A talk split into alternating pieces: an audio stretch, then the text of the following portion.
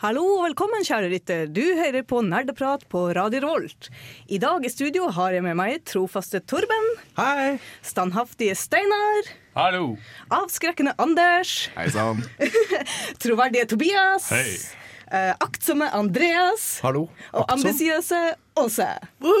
Jeg er rebelske Renate, og jeg skal være eh, din studioveileder og din samtaleleder i dag på Nerdeprat. Velkommen! Jo, takk. Applaus, for faen! I dag har vi tema historiske spill. Og hva, hva vil det si, egentlig? Det kan være så mye. Vi skal gå litt nærmere inn på det i dag. Og vi har også med Nerdebrytt eh, Nerdebrytt? Herregud. Nerde, Nerdenytt, som min eh, nyhetsaktor Åse har. Ikke sant? Yeah. I dag blir det veldig mye spennende. Holy shit, can't wait. og så har vi også med ukens spørsmål. Hmm. Vet hvem det blir, ingen som vet. Hva er egentlig ukens spørsmål? Åh. Jeg vet ikke. Vet du? Nei. Ok, Nei da, samme det. Men da kan vi bare begynne med enkelt og greit. Hva har vi spilt siden sist? Uh, Torben, vil du starte med det? Tja, det blir en veldig kjedelig start i så fall, for jeg har nesten ikke, jeg har ikke spilt noen ting. Jeg vet at dette begynner å bli litt eh, kjedelig at jeg sier det, men uh... Nei, men det går fint. Det er ikke noe vare. Vi forventer ikke så lenge du er her og har litt nerdeprat som oss, iallfall. Vi, vi prøver å være glad i deg likevel. det er bra det prøver. Hardt. Ja. Men unnskyld, herregud, nå tar jeg en liten digresjon her. Vi skal ikke begynne med at, hva vi har spilt siden sist, for vi har to gjester her med oss i studio nå. Vil dere gjerne introdusere dere sjøl? Tobias? Anders? Hei, eh, jeg heter Tobias eh, Rus. Jeg eh, kommer fra Oslo, er 25 år gammel og, og singel. Og jeg jeg er alkoholiker. Nei da. jo, alt, alt det er sant, men Men eh, dere, man lurer kanskje mer på hva jeg spiller og sånt nå. Jeg har jo vært med her på radioen ganske lenge. Ja. Nå er jeg på utveksling, så jeg har ikke vært med på en god stund. eh, Mm. Men til vanlig har jeg vært med da i Blyforgiftning, Mhm. musikkprogram her på radioen. Radio Revolt, studentradioen i Trondheim. Eh, og, og i dag så ble jeg litt grepet av, um, av temaet deres, historiske Yes. spill, for det er en sjanger jeg er veldig glad i. Jeg, jeg har alltid likt det helt siden jeg plukka opp Age of Empires 1 for Hey. første gang på 90-tallet en gang. Ja, det er kult. Så det er virkelig, virkelig en av mine Jeg vil ikke kalle historiske spill en sjanger, men, eh, men det er eh, Jeg vil si jeg er glad i historiske spill. Ja, men det, det er bra. Kult. Uavhengig av hva vi skal legge definisjonen der på. Jeg har jo vært med i Control Delete en gang for lenge siden. Ja. Da snakka jeg om SimCity, blant annet. Mm. Ja, det er jo ja, artig. Um, du, Anders? Ja, uh, Navnet mitt er Anders Påske. Jeg har ikke fått hørt etternavnet mitt nok i det siste. Så jeg, takk for at du ville introdusere med etternavn, Tobias. Det var veldig gøy. Veldig hyggelig. Uh, jeg er altså 25 år, uh, bor og studerer her i Trondheim. Jeg kommer egentlig fra Nord-Trøndelag. eh, og er ekstremt uh, spillinteressert. Um, jeg har spilt, og da, da gjelder alle typer spill, Ja. Uh, ikke bare dataspill, som de fleste forbinder med spill nå til dags, men no. brettspill uh, og kortspill og uh, leker, som jeg også ser på som en type spill, egentlig. Um, Noob-spørsmål. Hva er leika? Hva leker jeg for noe? Ja. Altså Helt vanlige leker som du leker på barneskolen, f.eks. Ja, kult da. vil jeg også si er spill. Pinneleik. Boksen går og sånn shit. Nei, men det er kult, da. Egentlig så er jeg desker og korrektursjef, og eh, det her er min første gang i eh, sending. Eh, det er skikkelig kult. Ja, men det er, er veldig beærer at du velger nerdeprat som din første sending. Og i så. Det er litt sånn kult. Kudos til deg, Anders. Yes, bra. Unnskyld meg. Ja, som sagt, er dagens tema er liksom historiske spill. Da. Veldig sånn løst og ledig. Hva liker du i historiske spill? Hva er historiske spill? Hva definerer historiske spill? da? Er det noe av det jeg vil gå gjennom i dag? da? Eh, er det liksom bare krig og liksom sånn det er politikk som er liksom definisjonen på historiske spill, eller er det noe mer i det? da? Men før den tid så skal vi gjerne gjøre en låt her på eh, Radio Revolt. DC Death Race med 'Blood On My Leather'. Hallo, velkommen tilbake, kjære lytter. Du hører på Nerderprat på Radio Revolt. Og nå skal vi gå inn på et eh, veldig løst og ledig tema. Eh, generelt, hva er det vi har spilt siden sist? Eh, Steinar, min gode mann, vil du begynne? Jeg kan godt begynne. Eh, Jeg har ikke spilt så ekstremt mye i det siste, eh, men jeg har spilt en del eh, eh, Twilight Princess. Hey. Um, best for, jeg har lyst til å runde det i HD-versjonen igjen. Eh, det er, jeg tar en trip down memory lane. Jeg fisker en del og Ja, for du, du spilte ha når det kom ut, ikke sant? Ja, det gjør jeg. Uh, og jeg har det jo nå å sitte og spille det hele dagen omtrent. Men det er, det er bare det jeg har spilt, da, så det er ikke så veldig spennende ellers. Nei, nei, men det går fint, det er noe. Enn du, kjære Anders? Jo, eh, jeg har fordypa meg i Minecraft atter en gang. eh, med den der eh, Feed the Beast-mod-packen som har sånn 170 mods. Um, skal lage fabrikk. Jeg vet ikke helt hva jeg skal produsere ennå, men eh, jeg er på, godt i gang. Eh, har du prøvd Faktorio? Å, oh, du, jeg har tenkt å prøve det. Det ser superbra ut. Det, er- det, det er skikkelig kult. Altså, Faktorio er et spill hvor du basically skal bygge fabrikker. Så liksom alt, alt i spillet kan automatiseres. Så liksom du Du, du har, kan lage en, en bor, for eksempel, som driller opp kull. Og så kan du hente en, en arm som henter ut kull fra kullmaskinen og putter det inn i en ovn. Og så kan du automatisk eh, putte jernmalm inn i eh, brennemaskinen. Og så kan du ha en arm som henter eh, da stål ut av brennemaskinen og putter det på en ting. Og så kan du kjøre det inn i en, en sånn byggemaskin som gjør det om til nye eh, hentearmer. Og så kan du liksom Ja. Var det en Minecraft-mod eller et frittstående Nei, det, det, det er frittstående For det fins jo modder til Minecraft som gjør akkurat det samme. Ja, men dette er på en måte eh, bygd fra, si, fra bunnen opp Ja, med, kult. til å gjøre dette. da Og kanskje ikke i Java. Og kanskje ikke så mye Java. Java. Jeg tror, jeg tror det er altså det, det blir såpass tungt da når du har liksom Altså Det blir svært. Du har liksom tusenvis av sånne armer og milevis med sånne eh, samlebånd og sånn. Hva, hva er det Minecraft ikke har nå om dagene, egentlig? Herregud. Det er til og med, Apropos Minecraft, så holder jeg på med et bachelorprosjekt hvor vi skal uh, uh, lage noe servergreier i Minecraft for uh, Lær kidsa koding. Og de bruker en mod hvor man kan programmere roboter inn i Minecraft. Så du, du kan liksom bruke et ordentlig programmeringsspråk til å gi instruksjoner til en robot som går rundt og gjør ting inn i Minecraft. Artig. Enn eh, du, kjære Tobias, hva du har spilt? Uh, det er jo veldig lenge siden sist, så det er utrolig mye jeg har spilt. Men Hva har du eh, spilt de siste 15 årene? ja, nei, det er jo ikke så lenge siden sist. Uh, men eh, eh, i påska nå så har jeg spilt eh, Jeg har laga en utrolig velfungerende by i Tropico 5, eh, og det har jeg kost meg masse med. Ellers så har jeg spilt litt, eh, litt sånn småspill, eh, småspill og sånt. Med Undertale og sånt. Hey. Ah, kost meg Det er bra. Det er koselig, altså. Jeg kan ikke si at jeg har hørt noe særlig om Tropico 5. Nei, det- er, har du spilt Tropico i det hele tatt? Nei, jeg har ikke hørt om serien. Ok, eh, du spiller rett og slett som en eh, president, eller eh, el presidente, på en, i en bananrepublikk, som er én liten øy. Eller kanskje en liten øy og en enda mindre øy. Avhengig av hvilken bane man spiller på. Eh, og der må man rett og slett få, få mm, innbyggerne til å ikke gjøre opprør. Og stormaktene til å ikke komme og angripe deg og erobre deg. Og det er, det er et utrolig kult spill. Det er jo en, det er jo et by, en bysimulator på alle måter, samtidig som det er, som det er en, eh, et veldig satirisk spill. Uh, utrolig moro. Uh, jeg syns det minner mye om Settlers-spillet. Settlers 3, Altså, særlig. har det, unnskyld at jeg spør, men har det liksom egen historie, det her du skal følge, da? Uh, I femmeren så syns jeg det er veldig fint, for det er, det er første gang man får et historisk perspektiv på det. Der hey. begynner man i koloniæraen Ja. uh, på 1800-tallet. Og, og da svarer man til The Crown, uh, som da er uspesifisert kolonimakt. Og så frigjør man seg og kommer til mellomkrigstida. Og da må man, da må man jobbe litt mellom aksemaktene og USA, eller allierte, da, og aksemaktene.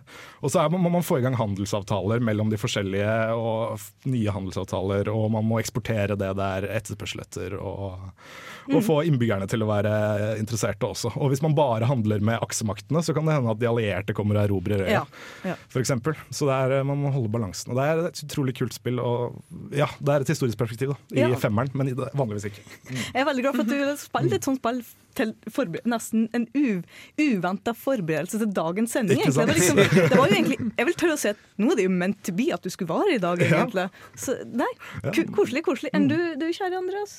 Eh, siden sist så har jeg spilt uh, Tetris. Men en sånn uh, skal si uh, full, uh, full scale VR-versjon. Fordi jeg har flytta eh, fra der jeg bodde før. sammen med um, Åse, Torben og Chris fra dette programmet. Som er altså nye samboere.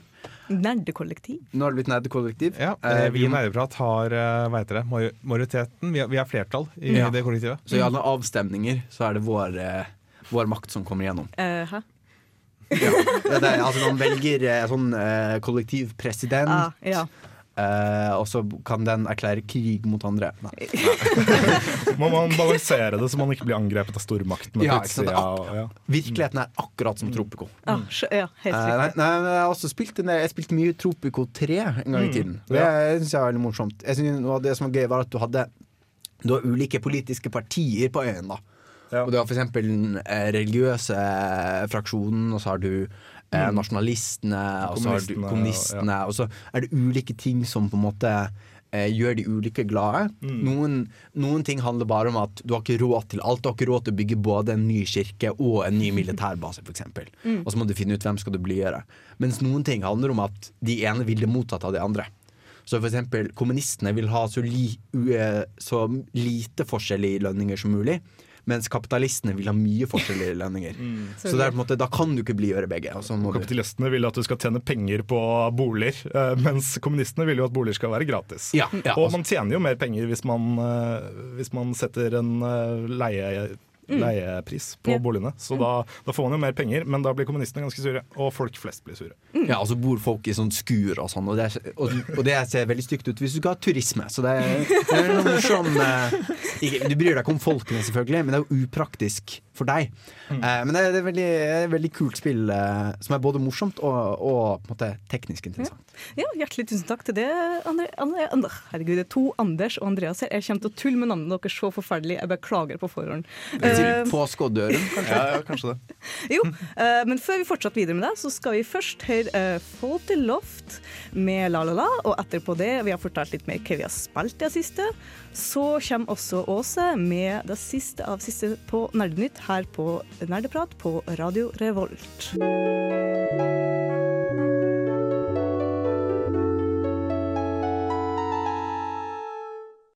Ja, velkommen tilbake til Nerdeprat på Radio Revolt. Eh, hvor var vi var? Jo, vi snakker om eh, hva vi hadde spilt siden sist. da. Eh, Åse, vil du gjerne fortsette på den der? Ja, det vil jeg. For jeg er òg blitt eh, blitt bedt av denne Minecraft-basillen. Herregud.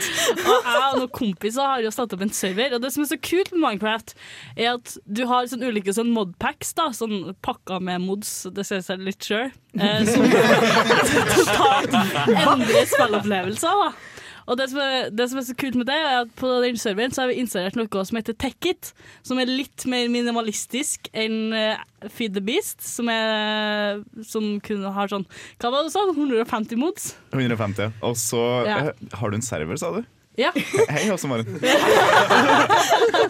du må gjerne være med. Vi, er- vi er venner, vi, sant? Ja, ja. ja. Åh, ja. Eh, men det har da da fattige 78 mods. Men eh, jeg har uansett, jeg har uansett fått satt opp en eh, automatisk hvetefarm. eh, og er eh, drevet med bia og avla litt på det. Og det har vært jævlig kos generelt. Jeg har kosa meg veldig med Minecraft. Og det er noe jeg ikke har gjort siden uh, betaen, tror jeg. Sånn når det kom villagers i Minecraft, da slutta jeg å spille. Eh, Steinar bare lager ansikt. Ja, nei, altså, du krever å snakke først. Ja. Er Ja, altså, nei, jeg, er jo, jeg vil anta jeg er den største Minecraft-fanen her i rommet. Vil jeg anta, jeg vet ikke. Nei, Nå, for, siden vi har gjester. Men vanligvis er det jeg som er liksom den geeken i Minecraft. Jeg sånn spilt Minecraft hele tiden og fortsatt er gal etter det. Eh, Men jeg spiller jo ikke modda, jeg, da. Jeg, det er noe jeg har begynt med nå i det siste, mest fordi at vennene mine har begynt med det. Jeg, holdt på å si, jeg liker å lage mods i hermetegn uh, i Vanilla via kommandoblokkfunksjonen som nå har kommet. Så jeg lager jo, jeg, har, jeg og venner har jo designa maps og sånn. Så jeg er over middels interessert. Men det blir kult å være med det. Jeg har ikke testa ennå. Den eh, modpacken dere med. Er det bare Tekkit, eller er det en Det- spesifikk modpack ja, utenom? Uh, det er kun Tekkit. Ja, ok. Ja. Det det den nye, den nye, nyeste versjonen av Tekkit som heter Tekkit Legends. ja, for jeg er husker sånn ikke bier når jeg prøvde å si Det var derfor jeg var litt Nei, sånn for de har lagt til Forestry, som det heter. Og hvis du har en spesiell type bier, så gir de deg sånn sticky eh, greier som du kan lage propolis med, som du kan lage sticky resin med, som du bruker til å lage kabler. Kan, kan jeg bare få si Ja. Jeg hater det der biopplegget der. Nei! Jeg liker serr? ikke den moden. Nei. Må jeg ærlig innrømme. Nei, men liker du ikke Forestry? Liker du ikke la, at det lager mat for deg? Nei, ikke akkurat den moden der, altså. Jeg liker, altså Poenget med den modpakken som jeg har, er at du har så mange mod som gjør det andre tingene der som byene gjør for deg. Så biene er bare overflødige. Nei, men de er koselige å holde på med. For jeg har skaffet meg sånn biehåndteringsdrakt. Og Sa hun en veldig jeg har rundt i verden. Jeg har rundt i flere biomes og samla bier. Og fatter, jeg har holdt på i Når man 24 får så mange forskjellige ting å drive med, så er det jo litt sånn at noen har lyst til å drive med det, og noen har lyst til å drive med det, og noen gidder ikke å bry seg om den delen, og noen gidder ikke å bry seg om den delen. Så det er helt naturlig at dere liker forskjellige deler av modpackene deres. Ja, det er jo det som er så fantastisk, at du får sånne ulike ting. For det er så stort, sant. Man kan gjøre alt mulig.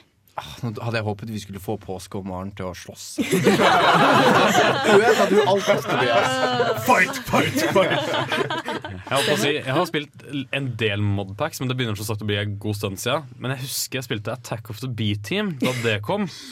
Det var åpenbart ikke Hvorfor var det morsomt? Er det navnet som var bra? Ja, det For syns navnet er, jævla bra. så- det jeg syns er så utrolig morsomt, er at det er på en måte det, er, det tar ingen ende. Nei, Det er på en måte, du kan bare gå dypere og dypere. Altså liksom på en måte, Innenfor modder som legger til bier i Minecraft, så er det liksom masse å velge i, og det er liksom en, en diskusjon om hvilken biemod er den beste. Det er det- liksom- Dette er ikke er, da. det er et bunnløst Ah, ja. hull.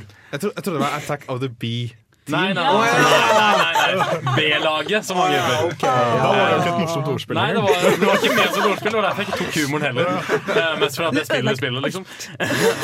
Ja, ja nei, men det er, det er Poenget med Attack of the B-Team er at du, velger, at du er flere på en server, og så velger du deg uh, ditt evne, eller din mod, da, som du utdyper deg i, og så skal det angripe hverandre. Det er liksom poenget med Attack of the B-Team. Um, så jeg ser veldig da at folk finner enkeltmods de selv liker veldig godt, som f.eks. din eh, Forestry. Eh, så er jeg veldig veldig glad i Witch-moden eh, til Attack of the B-Team, der du kan være mane fram faenskap og ta over kroppene til hverandre og lage ents og trends og hele pakka, liksom. Og så er det noen som er her, her helt hekta på equivalent exchange-moden. Ja, det er Det, det kjenner jeg Hæ? ja, er det den som skal minne om alkemi, er det ikke det? Ja. Ja, ja. Der du liksom har, har Philosopher's Stone og sånn. Det er helt Ja. sykt. Ellers har jeg òg samla Imperiet Hispania. Eh, under i Crusader Kings 2 som muslim. Så nå kan ikke jeg, nå kan ikke jeg sette dere og si 'jævla muslimer' lenger, Fordi oh. nå er jeg dem sjøl. For en digresjon. Ja, men det er det som er problemet med å et spill. Her kan jeg si, snakke om senere. Men eh, du høres jævlig Du høres helt jævlig ut når du snakker om de spillene der sånn i virkeligheten. OK, takk til det, Åse. Eh, nei, hva, hva jeg har spilt det siste, da? Jeg, nei, ikke så mye, men jeg har liksom bitt, ikke blitt bitt av den her fantastiske Minecraft-basillen. Jeg kommer ikke bli bitt av den heller, for jeg har bare fått så veldig avsmak ut av den Minecraften, egentlig. Med kanskje Ser skuffet på Ja, Renate. det går bra. Det går bra. Jeg lever uten det. Eh, men jeg har, jeg har blitt spilt, jeg har bedt i den her uh, LOL Legend of Legends-basillen, da, så jeg har spilt litt mer ut av det. Det er et kjempeartig spill. Jeg har jo også, siden jeg skal jo lede her historiske temadebatten i dag, da, så har jeg, jeg har prøvd å sette meg inn i flere spill som, som Crusader Kings, Civ, War of Roses, og jeg bare Nei, jeg har ikke tid, tålmodighet eller gidd til det her. Og jeg ble litt skuffa over meg sjøl, egentlig. At jeg liksom, å, ja, men Renate, du, du elsker historie. Fuck off. Jeg vil legge meg og sove. Eller gjøre noe annet. Nei, nei, ikke i dag. Så jeg har bare spilt Pokémon som vanlig og liksom kosa meg litt med deg istedenfor da.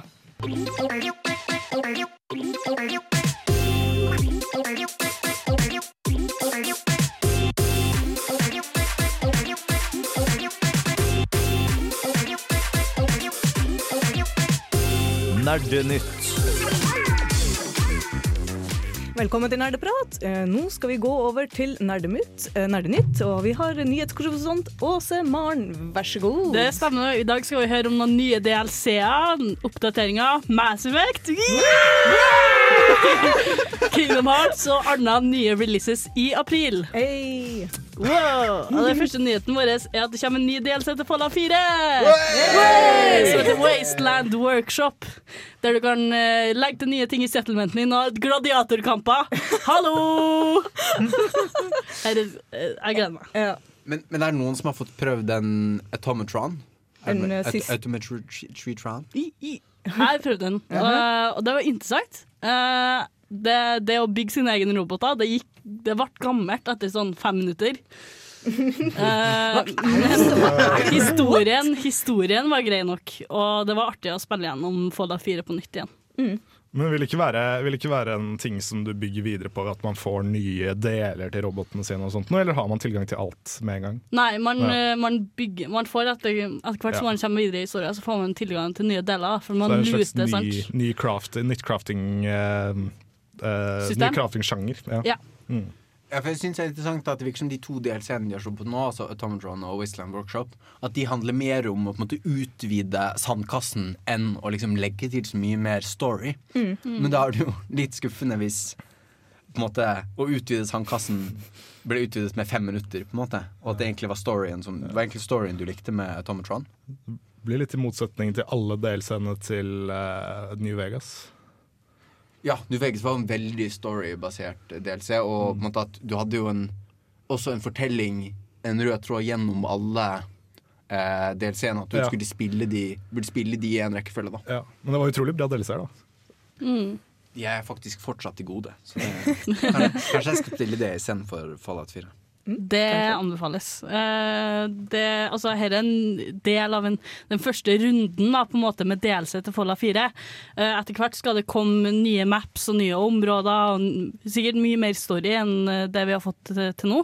For nå bygger de sikkert på, på en måte vanilla experiencen, og så kommer det nye da, etter hvert. Blant annet med Far Harbors DLC, som kommer ut i mai. Ja, for det, eh, det er lenge siden jeg har kommet inn i hele Fallout nå og liksom satt meg skikkelig inn i det. Hvor, hvor mange DLC-er det er av Fallout har nå, vet du? da? Er det noen som vet at all?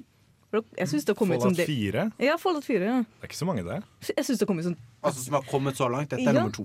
All right, ok, for Jeg har hørt så mye snakk om det skulle komme så Men, men, men det er Ja, tre det- som er totalt som er oh, ja. så langt. Ja, skjønner. Ok, yes, vær så god. Jeg venter fortsatt på at de skal release dere modderverktøyene. Ja, Ja, for det skulle, det skulle komme i januar, fikk jeg inntrykk av, før Ja, jul. Og så bare, tidlig og så bare skjer det ikke. 2016. Ja. Mente de liksom første halvdel? Eller liksom første ti månedene? Nei, For nå er vi over i andre one. kvartal. De sa quarter one. Gjør de ikke det? Jeg var, jeg var sikker på det. Men altså, det her er kun pga. at de skal ha modding på konsoller. Sikkert. Oh. PC Master Race No More. Uh, ja, uh, var det flere nyheter? Nesten nyhet. Ja. Uh, Metal Gear Online for en survival mode. yes! Okay. Med crafting. Zombier. Zombier. Nei. Nei, det er survival. Det har eh, to teams som har seks personer på hver, som skal kjempe mot hverandre. Så det er på en måte ikke crafting eller noe sånt. Det er Men det, bare det er bare deathmatch? Ja. Og så kaller okay. vi det survival? Ja, fordi du skal jo overleve. Team Deathmatch. Må de drikke vann og spise mat og Det hadde vært interessant. liksom? Er det liksom OK, har du en idé til skytespill? Skytespill, okay, Hvor du skal prøve å Wait for it, ikke dø. Ground.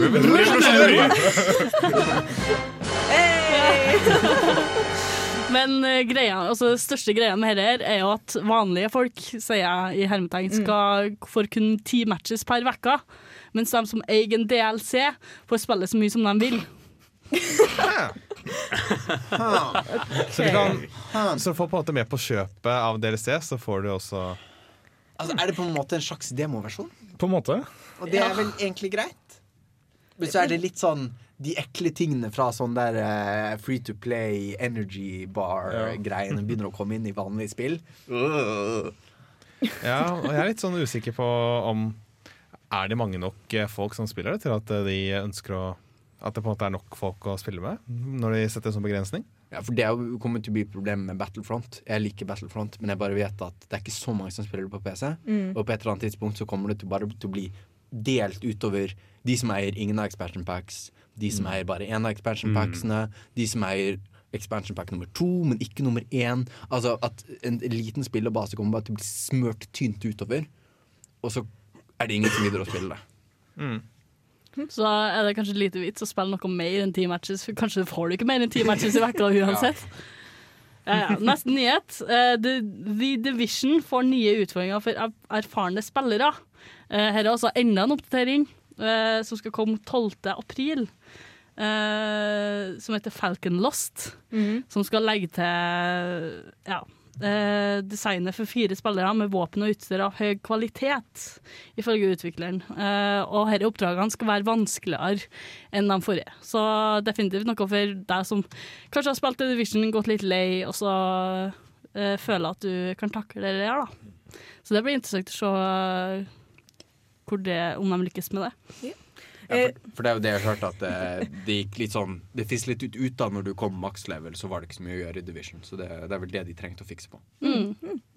Eh, ja, hjertelig takk, men vi kommer også med litt flere nyheter.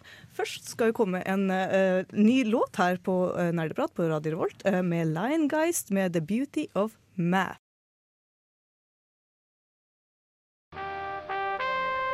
Good morning, Viet.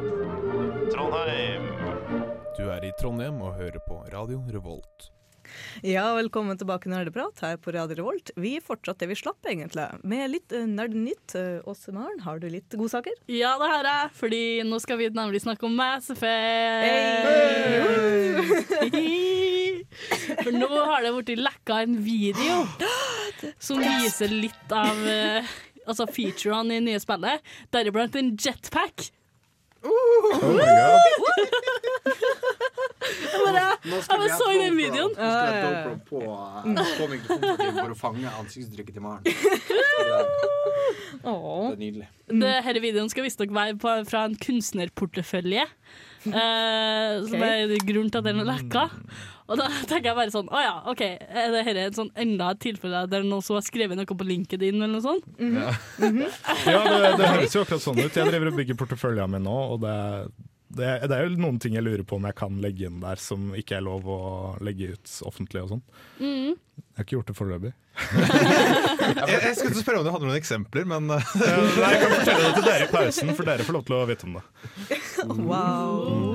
Det er- virker som det alltid er sånn Vi får nye, liksom, vite om nye spill og får vite om nye ting fra liksom, stemmeskuespillere og fra kunstnere. Og så bare sånn, skal skryte litt på sosiale medier eller noe sånt. Og så bare Å ja, det var hemmelig, det, ja. Mm. Oi, shit. Sorry. Oh well. Og så har du de eh, stemmeskuespillerne som er eh, rike og berømte nok til at eh, ikke studio kan gjøre noe mot dem. De kan bare holde på sånn som de ønsker.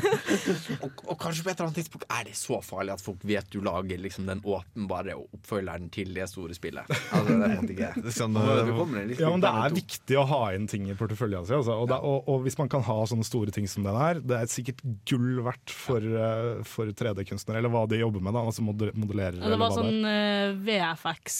Ja, eh, ikke sant? Og det, det er så mye verdt, og det er jo noe av det nyeste vedkommende har gjort også. Og, og, og, da, og da har man utvikla evner, og sånne ting som bare det er, det er veldig viktig. Jeg skjønner at vedkommende vil ha det der. Men har du, har du sett den eh, videoen, Åsmund? Ja. eh, det viser blant annet det som jeg syns var veldig spennende i den videoen. At det er en scene der eh, det jeg antar er hovedkarakteren, eller en menneskelig kar- karakter iallfall, står med en pistol retta mot en Krogan. OK. og da ble det litt sånn øh, Vent litt, sa de ikke at det kun skulle være mennesker i den nye? Kanskje altså, Ja, kanskje det er liksom en, eh, fra en sånn uh, companion-introduksjonsscene eller noe sånt. Mm. Kanskje vi får Companion igjen. Det er sånn jeg pleier å få venner, i hvert fall. Ved å sikte på dem med pistoler. Nei, men at du redder dem fra det, da. Det kan ikke hende at det er en menneskeledet ekspedisjon, men at det er Krogans med i teamet. Ja, ja.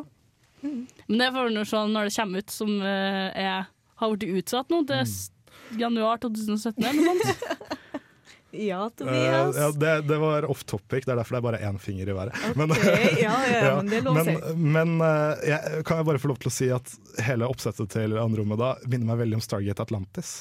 OK, hvordan Du Dra til en ny galakse uh, og, er, og er i en, he, et, en helt ukjent verden Ja. med bare noen få mennesker som skal utforske og erobre og bruke ressurser. Og, Og så Mass Effect generelt har en sånn veldig sånn generisk vestlig science fiction. Mm. Altså det er alt det er sant. Ja. vestlig science fiction blanda i ett, på en måte. Mm. Så det overrasker meg ikke, da. Jeg kom- jeg kommer med et uh, siste spørsmål.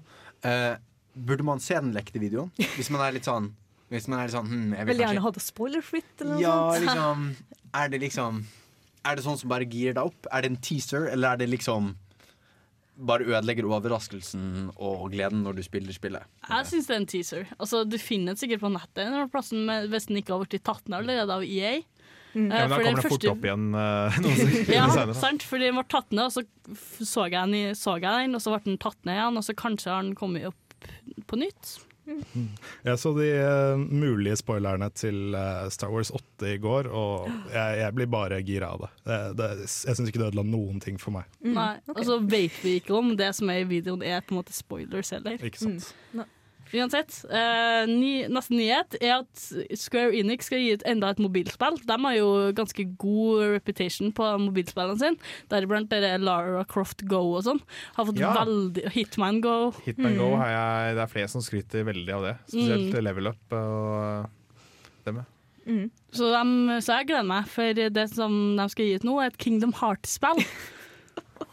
What? Som visstnok skal gå tilbake til røttene. Men, altså, unnskyld at jeg spør, men har ikke liksom Kingdom Hearts sånn uh, veldig mange spill fra før? ikke sant? Har de mobil... Nei, men de tredje 3D-spill, ikke sant? Ikke? Ja, men uh, nå, du, du skjønner Kingdom Hearts uh, Det er, det er sånn spillserie som skal ha ett spill på hver eneste plattform. Ja, og du er nødt til å kjøpe alle plattformene for å følge med på historien. Så at det bare går til mobil, er jo bare naturlig på det, det, det tidspunktet. Ja, ikke sant? mobil! Det var bare vente på da. Men okay, så det Da er det kanskje på tide å skaffe seg en telefon likevel. Ja, ja. ja. Men her er sånn, det var at det går tilbake til røttene, altså litt bak bakgrunnshistorie til Kingdom Hearts var så. Mm, nei, det tar inn med Kingdom Hearts 2,8, som var en sånn serie som jeg Er ikke har hørt om. brøkdelsspill? Oh, wow. Ja, det var da, ja. Fordi det her er ikke, det er ikke sånn 1, 2, 3. Det er sånn her 1,2, og så er det 0,05, for det er liksom det er prelogen til prequelen som heter sequel. Det er veldig mye hopp om tidslinjene der, iallfall. da. Jeg, jeg aner ikke. Jeg har aldri, jeg har aldri spilt Kingdom Hearts så jeg, har kun sett memes fra det. Men du hørtes så engasjert ut når du sa det. Ja, men Det er kun fordi det er et Square Enix mobilspill. Ja, ja, Og jeg tenker jeg må jo prøve det ut når det jeg er, så, jeg er jo så glad i Lara Croft Go, så da tenker jeg må prøve det. Men det er flere releases i april, Hey. deriblant dun, Dark Souls 3, som veldig mange gleder seg til. Er det noen i studio som gleder seg til det? Jeg har spilt eh, ti minutter av Dark Souls 1. Ja. Døde ca. 20 ganger. Ja, det er altså mer enn én gang per minutt. Um, uh, no, det er Artig feeling.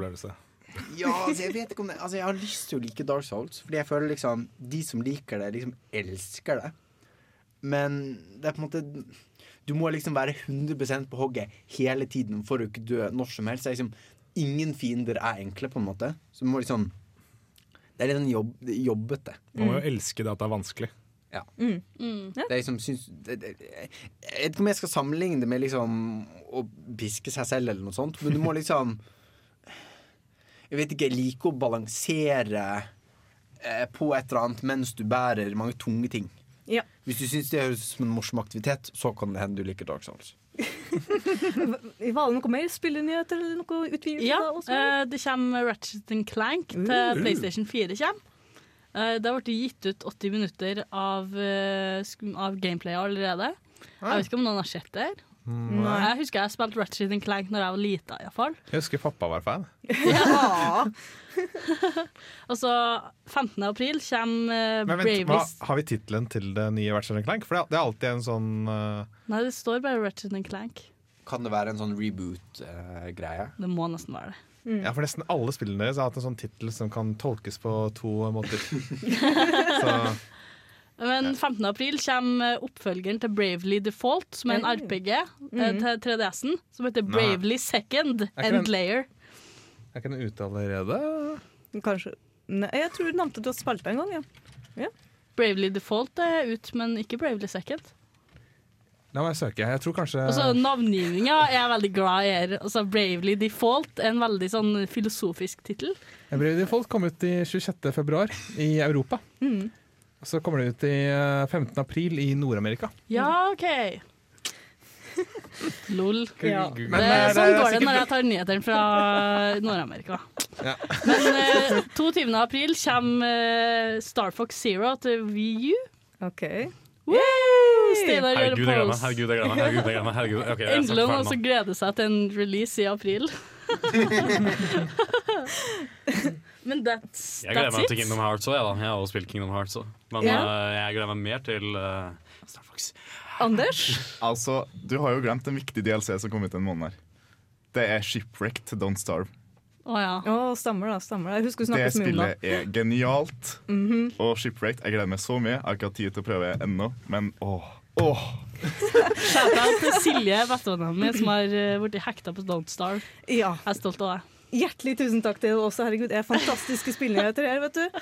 Eh, etter at Frankie Cosmos har spilt av Is It Possible her på Nerdprat Radio Revolt, så skal vi ha ukens spørsmål før vi går videre til vårt historiske tema.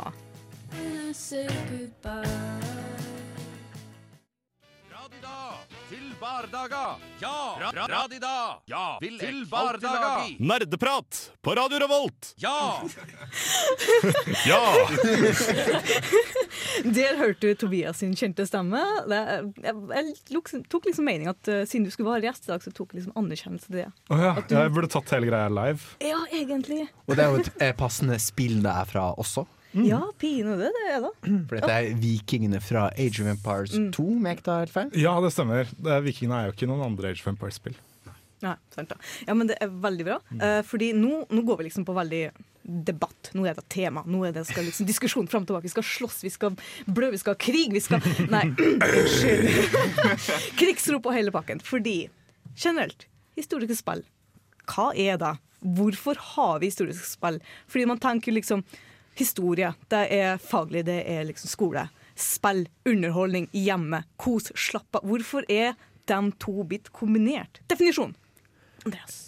Ja, jeg, vil også ta opp eh, på en, måte en annen tolkning av uh, hva, hva man mener med historiske spill, som jeg ble spurt av eh, en jeg, sa, jeg nevnte ja, hva skal dere ha på sending på onsdag, så sa jeg jo vi skal ha om historiske spill. Og da lurte han på om jeg mente liksom klassiske spill, altså oh. liksom Spill med histo altså spillhistorisk betydning. Type liksom Det første Mario var liksom viktig i spillhistorien. Oh, Så det var en, ja. en, en en tolkning av Pong. Pong. Ja. Space War. eh, arguably Space det første uh, eh, Space Også. War er det første dataspillet. Oi! eh, Ja, sant det. Det er, det er sånn kontroverse rundt hva som er. Ja, men det er på en måte den første Altså Pong var en av de første arkade Altså spillene som er laget til arkademaskiner. Ja. Men Space War er ja, nå, går, nå går vi på en liten digresjon. For det er jo ikke dette som, fordi Poenget mitt var vel egentlig å si det er ikke dis, denne typen historiske Nei. spill vi skal snakke om, men, men spill med vår historie, altså menneskenes historie, som tematikk. På den måten så kan man si er det ikke framtida, da. Så kan jo sånne spill bli historiske spill. Fordi liksom, Nå ser det veldig meta på det, at vi liksom spiller oss på 80-tallet. Vi sitter og spiller Mario Kart og bare Jeg husker den tida der, det var sjukt kult. Altså et spill hvor du spiller Spill. spill i fortiden. At du spiller at du Ja. Anders? Yes? Ja, altså, at du spiller spill i fortida, Ja. som i du spiller noe som vil skje i framtida. Daugen ting for Ja, sure. ok, greit. For misforsto jeg. Det, det hørtes ut som du bare gikk rett bort ifra historisk, altså noe som hadde skjedd. Ja, nei, det, ja. For det det er jo litt vanskelig å, å, å, å se for seg nøyaktig hva som skal skje i framtida, og dermed er det umulig å lage et spill som er som lærer deg noe om, om fortida. For jeg føler at det, er- det er kanskje noe av det, det vi må trekke inn som en mulig definisjon på historiske spill. At man okay. kan lære noe av fortida. Jeg vet Ja. ikke. ja. Eh, For eksempel i Tropico så lærer man veldig mye om eh, koloniene i, Åh. i Karibia. The glory days. Ja, ikke sant? Men- Helt fram til moderne tid. Men det, men det du spurte om, dette var vel litt sånn hvorfor vi Hvorfor eh, historiske spill, hvis Ja. vi tenker på historien som eh, et fag. Ja. Men det er jo på en måte eh, vi har jo alltid vært fascinert av vår egen historie. Altså Det finnes jo masse romaner som på en måte er sånn enten historiske romaner som på en måte lager spenning i en historisk setting, Ja. eller på en måte litt sånn alternative historieromaner hvor man tenker sånn uh, what if-scenarioer. Sånn, hva hvis det skjedde og ikke det skjedde i historien. Så det er på en måte ikke bare som et fag, men også som noe vi mennesker syns er veldig sånn spennende å tenke på. Så har vi, ser vi jo det i bøker og filmer, eh, og ikke minst i, i spill. Ikke minst så er det jo en enorm mulighet til å gjenoppleve, og det, er, det bygger jo veldig på det du nettopp sa, men å gjenoppleve en tid man aldri har kunnet leve i. Ja, det, der, der har du liksom truffet litt på, på mitt, mitt poeng. Det er derfor jeg spiller historiske spill. Det er sånn jeg er veldig glad i industrielle versjon, for så vidt middelalderen òg. ikke sant? At det er liksom Det er en tid som er litt sånn svunnen, og liksom sånn der, Å, jeg lurer hvordan den var. Så det blir en slags sånn medieval simulator, historiesimulator, da. Mm. Altså, jeg tenker alle historiske spill, eller spill som er satt i fortida, har jo en uh, utdanningsverdi, da, på en måte. Ja. Fordi jeg tenker at for å, for å skape noe som er realistisk, så må man på en måte trekke inn masse, veld, veldig mye fakta fra liksom, historiske bøker og det vi vet fra det. da. Eh, så man lærer jo automatisk på en måte når man spiller sånne spill. Altså, Jeg gikk ikke inn i Crusader Kings og tenkte sånn Nå skal jeg lære om middelalderen, liksom. Nei. Men jeg tenkte sånn jeg, når jeg, Etter hvert som jeg spilte, så lærte jeg veldig mye av det. da Sånn, Jeg hadde aldri visst om at uh, Med mindre jeg hadde spilt liksom, Assassin's Creed, da så hadde jeg aldri visst om hva ordet assassin kom av, for eksempel. Det var et veldig, altså, et veldig smalt eksempel, da. Men det er sånn Ja, man lærer alltid av uh, sånne spill, da. Men det er jo også en liten si, en risikofaktor. Fordi nå er det jo, tar jo mange spill seg noen friheter.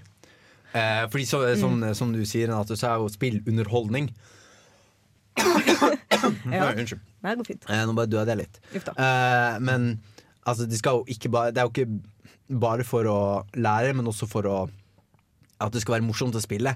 Da er det mange spill som tar seg noen friheter og gjør kanskje én person Altså gjerne hov, den, den du spiller som, blir litt viktigere i historien enn det som egentlig var sannheten. Og kanskje den personen egentlig ikke fantes, men vi trengte en person som eh, som du kunne spille, så da la vi til den personen. Og det er ikke alltid eh, så lett å vite hvor historien slutter og spillet begynner, da, med tanke på hva man har funnet på. Ja, for det er liksom Det som gjorde meg veldig uh, interessert i historiske spill. Det er jo Assassin's Creed-serien. For det, det er ikke bare liksom du er en krigsherre som skal ha oversikt over uh, dine battlefield og liksom ha kontroll og sånn. Da er du liksom en karakter fiksjon, fiksjonell karakter i et veldig viktig historiske punkt, da, som du eh, Overtakelsen av Jerusalem og det med korstog, eh, ja, korstogene. Og For så vidt den amerikanske eh, eh, Hva heter det? Borgerkrigen òg. Og Ja, og du får eh, klatre på historiske bygg. ja, ikke sant? ikke sant? Det er veldig artig, liksom parkour. Men det bare er litt mindre. Du får se, du får interaksere med historiske karakterer som Benjamin Franklin og Washington, og det blir litt sånn Å ja, sånn de ser ut, ikke sant? Mm, Jeg syns det blir litt viktig å tenke på også, skal vi snakke om Jeg, jeg regner med at vi skal det, men Ja. å være bevisste på at, å snakke om historiske spill som bare er satt i fortida, men som har en alternativ historie. Eller om det er en Kontrafaktiske ja, kontrafaktiske spill, fordi at Assassin's Creed er jo i aller høyeste grad kontrafaktiske. Ja. Eh, men, eller om det bare skal være spill Om vi bare skal snakke om spill som faktisk kunne ha eksistert da, eh, i, den, i den tida. Sånn som, jeg husker ikke hva det heter, men det er et gammelt uh, bybyggerspill som er satt i romertida.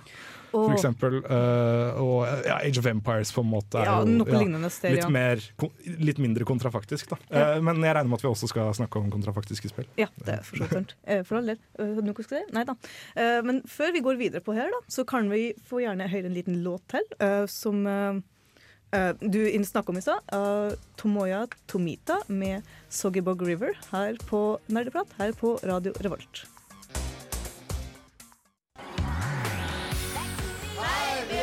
Og du lytter til radio Revolt.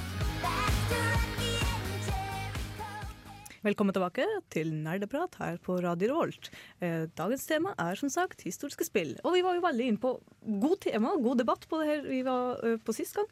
Eh, Historiske spill, hva er det, hvorfor har vi det? Og da er det liksom Hvorfor liker vi, eventuelt misliker vi historiske spill? For noen så er det sånn der Nei, historiske spill er ikke artig, for det liksom skal ha, krig og faenskap og alt sånne ting. Og når du legger liksom god historie og bakgrunnshistorie på sånne ting, da, så er det sånn ikke spennende, så hvorfor altså, Generelt, spørsmål til dere alle. Liker dere historiske spill? Hva slags historiske spill har dere prøvd, da? Altså, jeg må si eh, Altså jeg tror de fleste liker historiske spill. Så, at jeg, så, skal er jeg, så skal jeg tillate meg å ta litt sånn eh, motsatt posisjon. Noe som irriterer meg skikkelig med eh, Altså sånn, hva skal jeg kalle det, pseudohistoriske spill. Ja. Eh, for eksempel Civilization. Mm. For Civilization på en måte sånn utgir seg for å være en slags simulering av historie. Den på en måte, Du starter i steinalderen, og så på en måte eh, Først så eh, utvikler du alfabetet, og så utvikler du måte, teknologiene bort etter sånn. Ja. Eh, men det er jo Når du tenker over det, så er det jo en helt Helt latterlig, egentlig. Altså å anta at på en måte at menneskelig teknologi vil, uansett hvordan du gjør det, så utvikles alt i en rekkefølge, liksom fra venstre mot høyre. Og liksom, man uttrykker, kommer alltid på den teknologien før man kommer på den teknologien. Ja, ja. Og, man, finner, og man på en måte alle lager liksom Først lager de speedmen, og så Eller OK, du kan lage speedmen eller pil og buemenn først. Du kan velge, men du må, må lage både pilmen og eh, eh, spydmenn. Og Hvorfor så- ikke rett på jagerfly? og så, ja, Men, men det er liksom det, er- det er en sånn Altså Det er ikke bare en forenkling, det er liksom et veldig sånn absurd uh, syn på historie. Så sånn jeg på en måte forklarer Civilization i hodet mitt, er at du ser for deg Ok, se for deg framtiden. Så har du noen sånne udødelige gudemennesker som reiser tilbake i tid, og så konkurrerer om uh, å ta over verden. Eh, så, eh, mot hverandre. Så det er, fordi på en måte det er den eneste måten de gir mening på. At liksom én sivilisasjon skal vinne over alle de andre. Mm. Og det er liksom eh, du, en du ta, Fordi det er jo ikke sånn Det er jo ikke sånn det er i vår verden. At liksom hvis, Er det ikke det? hvis, altså, Norge har tapt fordi Norge fikk minst poeng. Så når på en måte Vi kan ikke vinne, så vi burde bare gi opp med ja, vi burde, om 50 turer, når, liksom, når verden er over, så kommer Norge til å komme på sisteplass fordi vi har eh, kjempelite culture points og sånn. For alle ser jo bare på amerikansk TV, så det er på en måte ikke noe, det er ikke noe vits. Eh, så, så det ofte irriterer meg når man på en måte bare tar historien som en slags estetikk, Ja. men på en måte ikke tar på seg noe av ansvaret med å liksom faktisk forstå noen ting. Nei, for det er liksom Civilization tror jeg er veldig spesielt, for jeg tror ikke fokuset er jo på nødvendigvis historien der. Det er jo mest strategispill, det er taktikkspill. Det er det som er fokuset, ikke sant? Jeg, jeg syns du sa noe veldig riktig med at det er en historiesimulator. For den prøver jo ikke å være å, å beskrive noe som faktisk har skjedd i historien. Den Den er prøver å forklare og, å, å, å, å simulere det å, det å utvikle en verden fra bunnen av, et verdenssamfunn. Men, men den gjør jo ikke det. Den, er jo, Den- den er jo simulerer jo å utvikle nøyaktig samme samfunn som vi endte opp med. Jo, men så er det det å gjøre et spill kompetativt, da. Ja, ja. Og, og det blir jo ikke nøyaktig det samme samfunnet. For, Nei, for man, kan, altså- man, kan, man kan jo utvikle altså jeg, jeg har som regel utvikla missiler på 1800-tallet. Ja, ja. Altså, det, blir en sånn, det blir en sånn morsom sånn pseudo-anakronistisk Ja, men det stemmer ganske bra. Ja, og, altså, det er, og, det, og det er veldig gøy å da kjempe mot de som fortsatt bruker riflemen. Ja. Og man liksom, du, men du ender opp i liksom Først renessansen, så, så den industrielle revolusjonen, og så sant, modern er times. Og liksom, Det Mm. følger samme takt, selv om du liksom forskyver litt. Mm. Men Altså- du spiller liksom gjennom vår historie. Ja, Du må jo ha et utgangspunkt uansett. Du kan ikke lage et spill der du mm. som en utvikler ikke engang vet hva spillerne kommer til å finne etter hvert. Du må ha et utgangspunkt. Og ha, altså Civilization er jo litt lineært, det skal jeg, det skal jeg innrømme. Ja. Jeg liker ikke det spillet i motsetning til et annet spill som jeg skal snakke mer om senere. Hey. Men ja. Men, men på en måte det som eh, skal vi si, det, det jeg vil trekke fram, det er på en måte den irriterer seg over en sånn Man later som man er historisk, hvis du skjønner? Mm, ja. At man liksom er sånn eh, pseudohistorisk. Ja. Mm. Men, men eh, jeg holdt på å si eh, Men er ikke alle spill til en viss grad pseudohistoriske? Alle spill som prøver å være enten i fortida eller nåtid, eller i framtida, for den saks skyld. Ja, men det er vel, altså det er vel den derre at man prøver å gi et inntrykk av at det var sånn det skjedde. Ja. Og det er sånn det kommer til å skje. Mm. Altså du kan si Nå har jeg um, For, for å trekke tilbake til Tropico, for, liksom, Mm, for ja. å ha et spill som Ja. Bega har spilt. da Uh, i I de tidligere Tropico Så måte gjør man ikke så mange antakelser om måte, hvordan verden er blitt til. Nei. Det er på en måte Mm. Når du simulerer For det første så simulerer du jo et lite øysamfunn.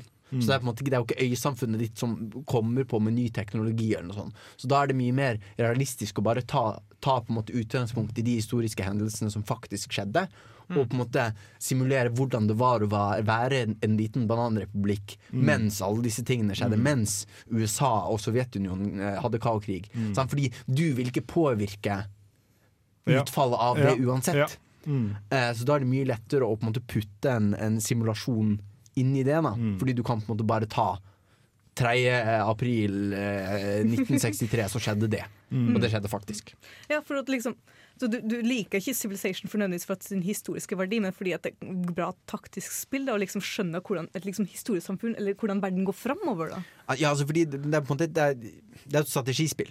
Ja. Og Ja, for, å, for å like Civilization, så må jeg på en måte slutte å tenke på det som et spill. Skjønner du? ja, ja, riktig, Altså, altså, jeg må bare tenke på det som et spill, Mm. og ikke som en, en simulering. Da. Mm, nei, ok. Ja, for Da kan vi liksom snakke om et annet historisk spill. Liksom Age of Empires, for Der er det jo liksom historiske hendelser de går jo innpå istedenfor. Mm. Litt mer liksom faktabasert på den der eksempelet med Jean d'Arc og litt uh, lignende. Mm. da. Eh, Det er et litt bedre historisk spill da enn Civilization, Tobias. Og Der har man jo den effekten med at vi, når man spiller campaign, Ja. og dersom man, dersom man ikke klarer det som er målet med campaignen, så bryter man jo med historien. Og da taper man. Mm. Så da føler jeg at man taper fordi man ikke gjør som, som det faktisk skjedde. Ja. Men det er jo ikke faktisk det som skjedde. Det er jo ikke akkurat den gruppen med hesteryttere som kom inn og redda deg helt i siste liten. Litt kunstneriske frihester. Nei da. Ja, jeg skjønner det. Mm. Men vi kan snakke litt mer om det. Men først skal vi komme med et eh, ny låt her på Radio Revolt. Matt Corby.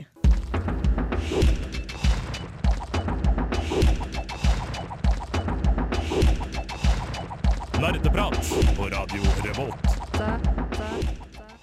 Velkommen tilbake til Nerdeprat. Du hørte på Matt Corby med 'First Night'.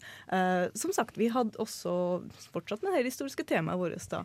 Eh, og da vil jeg gjerne spørre dere, kjære Nerdeprat, er det en slags sånn læringsverdi i historiske spill? da? Kan man si Eh, det? ja. Ja. Altså, jeg snakka litt om det her før. Eh, jeg finner absolutt at jeg lærer noe sjøl av spill som Assassin's Creed, som tar seg litt, litt friheter med liksom verdenshistoria. Så lærer jeg jo, da. Uh, spesielt av sånn type uh, Crusader Kings 2 synes jeg har jeg lært veldig mye av. Eh, Europa Universalis kan man lære veldig mye av. Altså det, det, man, har en så, man har en så overraskende stor læringsverdi i alle spillene. da. Men, eh, men hva er det egentlig du lærer? Altså, hva, hva er det du har lært? Hva, hva er det jeg har lært? Ja. Altså, jeg har lært eh, Spesielt i Crusader Kings 2 så har jeg lært at dette skjedde da og da, eh, og førte til det og det. Og, det var, og eh, grunnen til at det var korstog, var det og det, på en måte. Mm. Så det er veldig sånn Ja. Det var Ja, for- mer interessant enn historietimene, på en måte, selv om jeg var veldig glad i historie. Ja, fordi jeg har ikke spilt Crusader Kings 2. Er det sånn at historiske hendelser skjer på en måte til riktig tidspunkt, og får liksom tekst opp om at det nå skjer? Ja, så veldig Sånn, sånn, ofte, sånn, da, iallfall. Uh, med mindre man fucker veldig mye med historier, sånn som jeg gjør. Men den history. gangen jeg har gått inn for å følge historier veldig godt, så, lærer, så opplever jeg at jeg lærer veldig, veldig mye sånn i detaljer, sånn små detaljer, som betyr veldig mye om de ulike tidsepokene og ulike landene og sånn, da. Ja, Tobias? Ja, og, og så har man jo, sånn som i Age of Empires 2, der har de en Mhm. veldig fin biblioteksside, der man kan lese om absolutt alle de forskjellige unitsa og deres faktisk historiske betydning. Da. Som en slags leksikon? Ja, som en slags bare. leksikon. Ja. Men, men det er jo bare for de unitsa som faktisk er med, og de landa som er med. Men det er, det er jo fakta.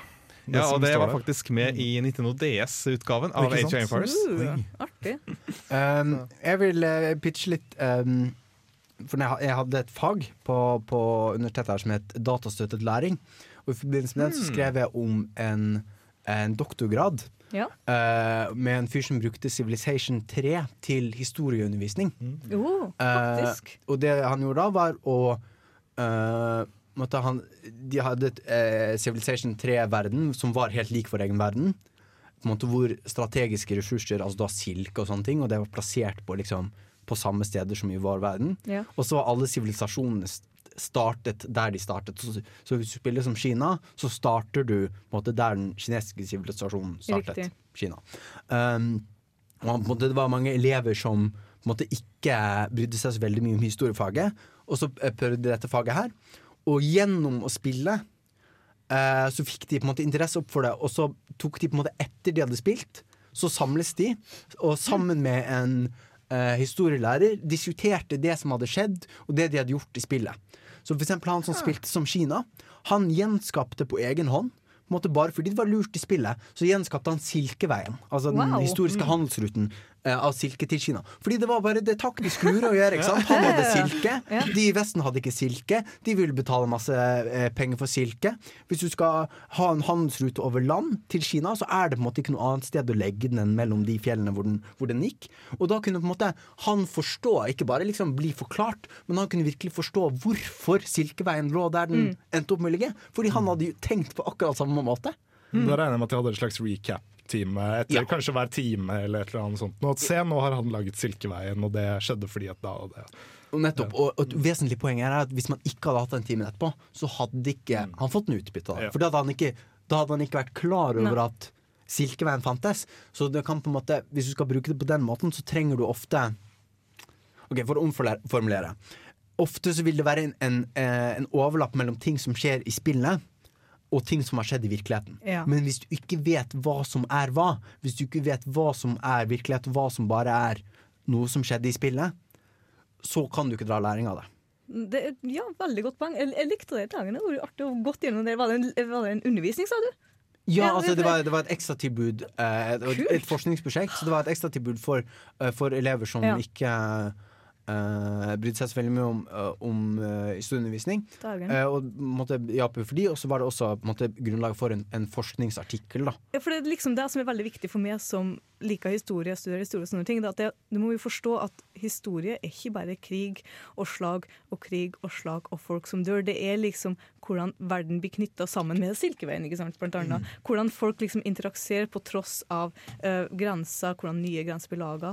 Og der tror jeg liksom Crusader Kings tar veldig godt opp. Da, at det er jo liksom veldig mye diplomati. liksom, Please, vifte med dattera mi. Please, ikke ta livet av den her eh, jarlen under meg, eller noen sånne ting. da. Ja, er Eh, jeg vil også trekke opp en, en annen ting med, med Crusader Kings, fordi det er jo ikke bare snakk om hendelser, men det er også snakk om mekanikker. Altså fordi Ja. De har vært veldig flinke ja. til å gå inn og på en måte finne ting man gjorde på middelalderen. For eksempel måten ting går i arv på. Mm, Altså om det går eh, gjennom sønnen eller gjennom datteren. Ja, og på en måte, det er jo noe som faktisk skjedde i middelalderen. Altså det var veldig vanlig eh, at det gikk gjennom sønnen. Og så av og til gikk det gjennom datteren. Så dette var noe som faktisk skjedde. Og så er det også en spillmekanikk i Crusader Kings at det kan gå gjennom sønnen, og så kan det gå gjennom datteren, og så kan Ja. du bruke dette taktisk. Ja. Om du vil, Hvis du har en datter, og du eh, er veldig mektig, så kan du tvinge ekteskapet til å være gjennom datteren, sånn at det beholdes i ditt dynasti, f.eks. Så da har du et eksempel på at du lærer om Altså ikke bare om en, et fakta eller en konkret Ikke en konkret hendelse, Nei. men mer en, en prosess Ja. og en mekanikk. Ja. Og det er også eh, spill veldig gjerne til, fordi du tar dem i bruk. Ja. Og da lærer du dem bedre. Altså, det er også sånn at det er visse sånne arvelover som kun er tilgjengelig hvis du f.eks. Eh, er en heretic, som, eller hvis du er basker. Så har du med flere muligheter, da, fordi det historisk var sånn. Så da lærer man litt av det, da. Nei, jeg liker veldig godt at uh, man kan bruke spill eh, til å måte lære seg dette. Jeg tror du får en mye bedre forståelse for ting når du skal sitte og på en måte bli satt i samme situasjon selv. Du forstår litt det der med det grunnene som ligger bak og sånt, heller enn det når du sitter og bare mottar informasjon i en historietime og bare Sånn og sånn og sånn skjedde. Mm. Fordi, fordi, fordi.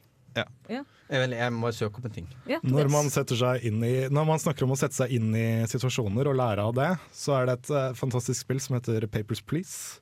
Ja, hørt det. Det, man lærer jo en veldig liten detalj av historien, på en måte. eller det er jo en veldig viktig detalj for oss som lever i dag, fordi det er veldig nær historie, og det har mye å si for hvordan Europa henger sammen i dag. Mm.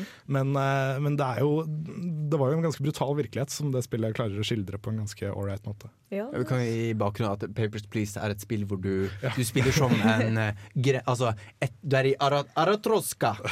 Eh, the Great Republic of Aratroska. Og etter det ny- eh, siste arbeidslotteriet, hvor alle får uh, bli tildelt jobben sin helt tilfeldig, Ja. uh, så har du bli, fått jobben passkontrollør. Så du jobber som passkontrollør i dette Ja. og, det er på en måte, og du står da med makten for hvem som får komme inn i Aratroska, og hvem som ikke får komme inn og blir Så man balansere mellom eh, å fø sin egen familie og barmhjertighet overfor de som skal slippe gjennom. Men vil dere egentlig si at Papers, Please er et historisk spill? Hey. Fordi det vil ikke jeg. Hmm. Ok, jeg har, en, jeg har en lang rant om det. merker jeg nå. Du skal få lov til å ha den ranten, men først skal vi ta en liten pause med en liten låt her. Og da igjen kommer trofaste Tomoya Tomita med denne sangen, låten her heter Fall Water Falls. Du hører på Nerdeprat på Radio Revolt. Her på Radio Revolt igjen! Yay! Velkommen tilbake til Nerdenytt her på Radio Revolt. Nerdenytt? Vet du hva? Det er ordet der- faktisk nerdegammelt. Oh, fordi vi er mange gamle folk her i dag. Sorry. Nei, fordi vi snakker om historie. Å, shit, det er meg. Ah, kanskje du vil lede programmet, hæ? Nerd ancient. Vel, u uansett, velkommen tilbake til Nerdeprat. Yes. Uh, vi bare fortsetter der vi slapp, egentlig. Historiske tema. Men da vil det gå veldig Nei, det vil det faktisk ikke, fordi Andreas vil gjerne ha noe på hjertet. lovet, ja, jeg ble lovet en rant. Du får rant i vei. Kan du, kan du bare stille spørsmålet ditt en gang til? Spørsmålet var er egentlig Papers, Please et historisk spill. Historie handler om mer enn fakta, hendelser og, og prosesser. Det handler om følelser. Følelser! Det handler om å forstå de som led. Forstå det som skjedde. Altså ikke bare vite Altså ikke bare vite om urettferdigheten som skjedde i eh, de sovjetstatene, men å, å kjenne urettferdigheten. Og gjøre urettferdigheten. Og det er det Papers, Please handler om. Altså Det handler ikke om å på en måte gi deg Altså Det er jo et, et, et påfunnet land i det på en måte med en påfunnet person i en påfunnet familie.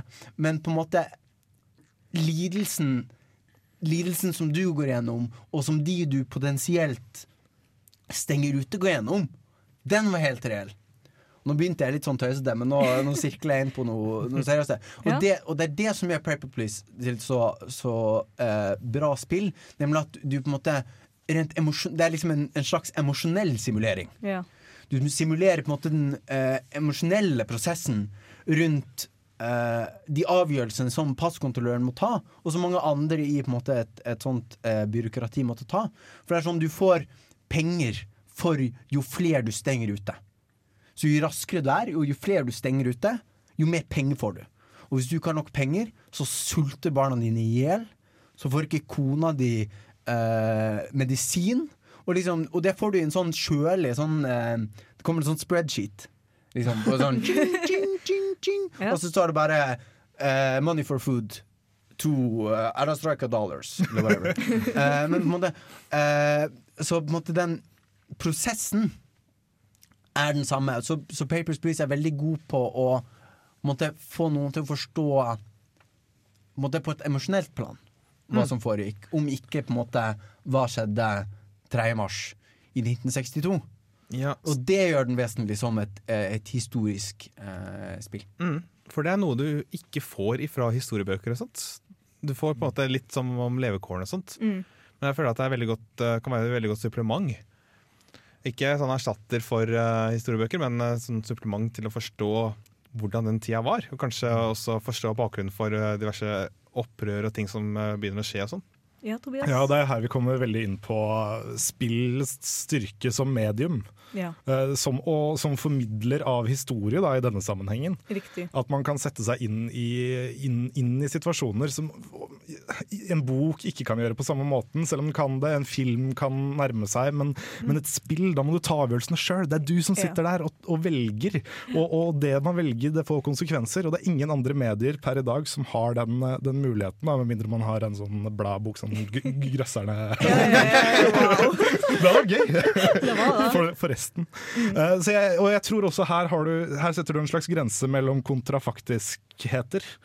Eh, fordi at man har Som vi snakka om i stad, så er de fleste historiske spill kontrafaktiske til en viss grad. Men dette er en, et kontrafaktisk spill, et helt kontrafaktisk spill, det har ikke skjedd i det hele tatt, som likevel er historisk. Av de årsakene du nettopp ramsa opp. Mens spill som, eh, som eh, World in Conflict og, og den slags, som, som er en helt tilfeldig Altså ikke en tilfeldig konflikt, men det bare er en, en what if-situasjon. da. Ja. Så da, Der lærer man ikke like mye. Det eneste man lærer av historie der, er at å ja, det var en kald krig. Den kunne fort ha blitt en varm krig, og dette er våpenet som ville blitt brukt. Og, da kan jeg snike inn uh, den uh, franske pedagogikk Uh, eh, Teoretikeren Piaget. Ja. Fordi han var det at måtte, for, for å forstå noe, så må du få fingra i det. Ja. Og så må du manipulere på det. Og hvis, du, på en måte, hvis man skal vise et barn det som kalles objektpermanens, altså at på en måte ved å flytte vann fra én beholder til en annen, så blir det ikke mer eller mindre vann. Nei, det er en sånn, skjønner. Barn forstår ikke det når de er nyfødt. Skjønner, de blir overrasket når de ser Oi, det er like mye vann! What the fuck? Men på en måte, den beste måten å lære det på, er å gjøre det. Å helle vannet fram og tilbake. Og det er det spillet er. Ja. Det er å helle vann fram og tilbake. Det er å, ja, men altså, det er å få fingra i det. Ja, Og det er det som gjør det til en så god pedagogisk eh, verktøy. Anders. Jeg skal utfordre deg litt mer, Andreas. Eh, fordi med din argumentasjon nå, så er du så nærme Jeg kniper med fingrene nå for å vise Andreas.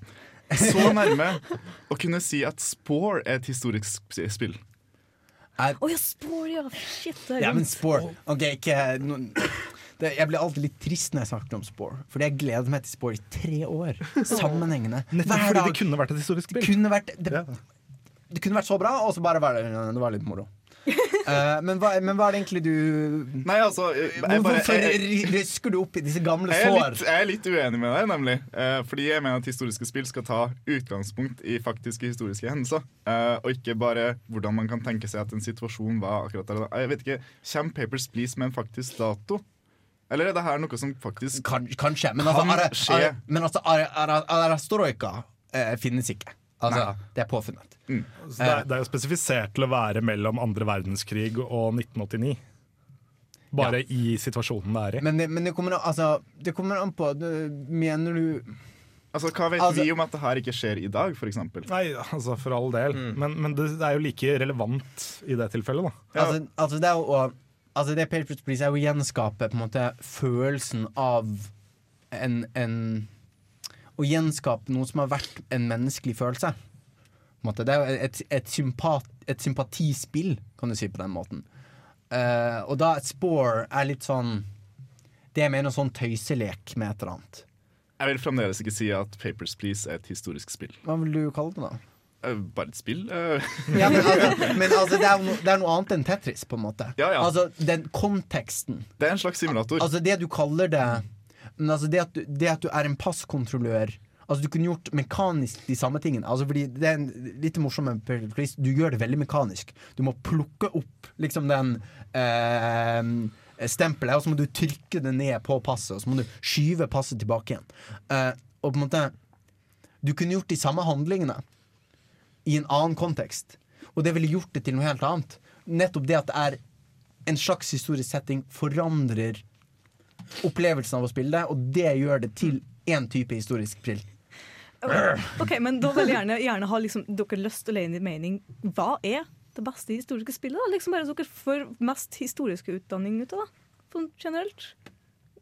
Jeg vet ikke. Men mest Ja, fordi jeg følte at liksom Age of Empires ga meg veldig sånn å, oversiktlig og liksom hvordan krigene og hva slags viktige hendelser var i denne, var i denne perioden. Altså, liksom, det er min definisjon av et godt historisk spill. da Fordi det ga meg liksom læring, men samtidig underholdning. Nesten, da, ikke sant?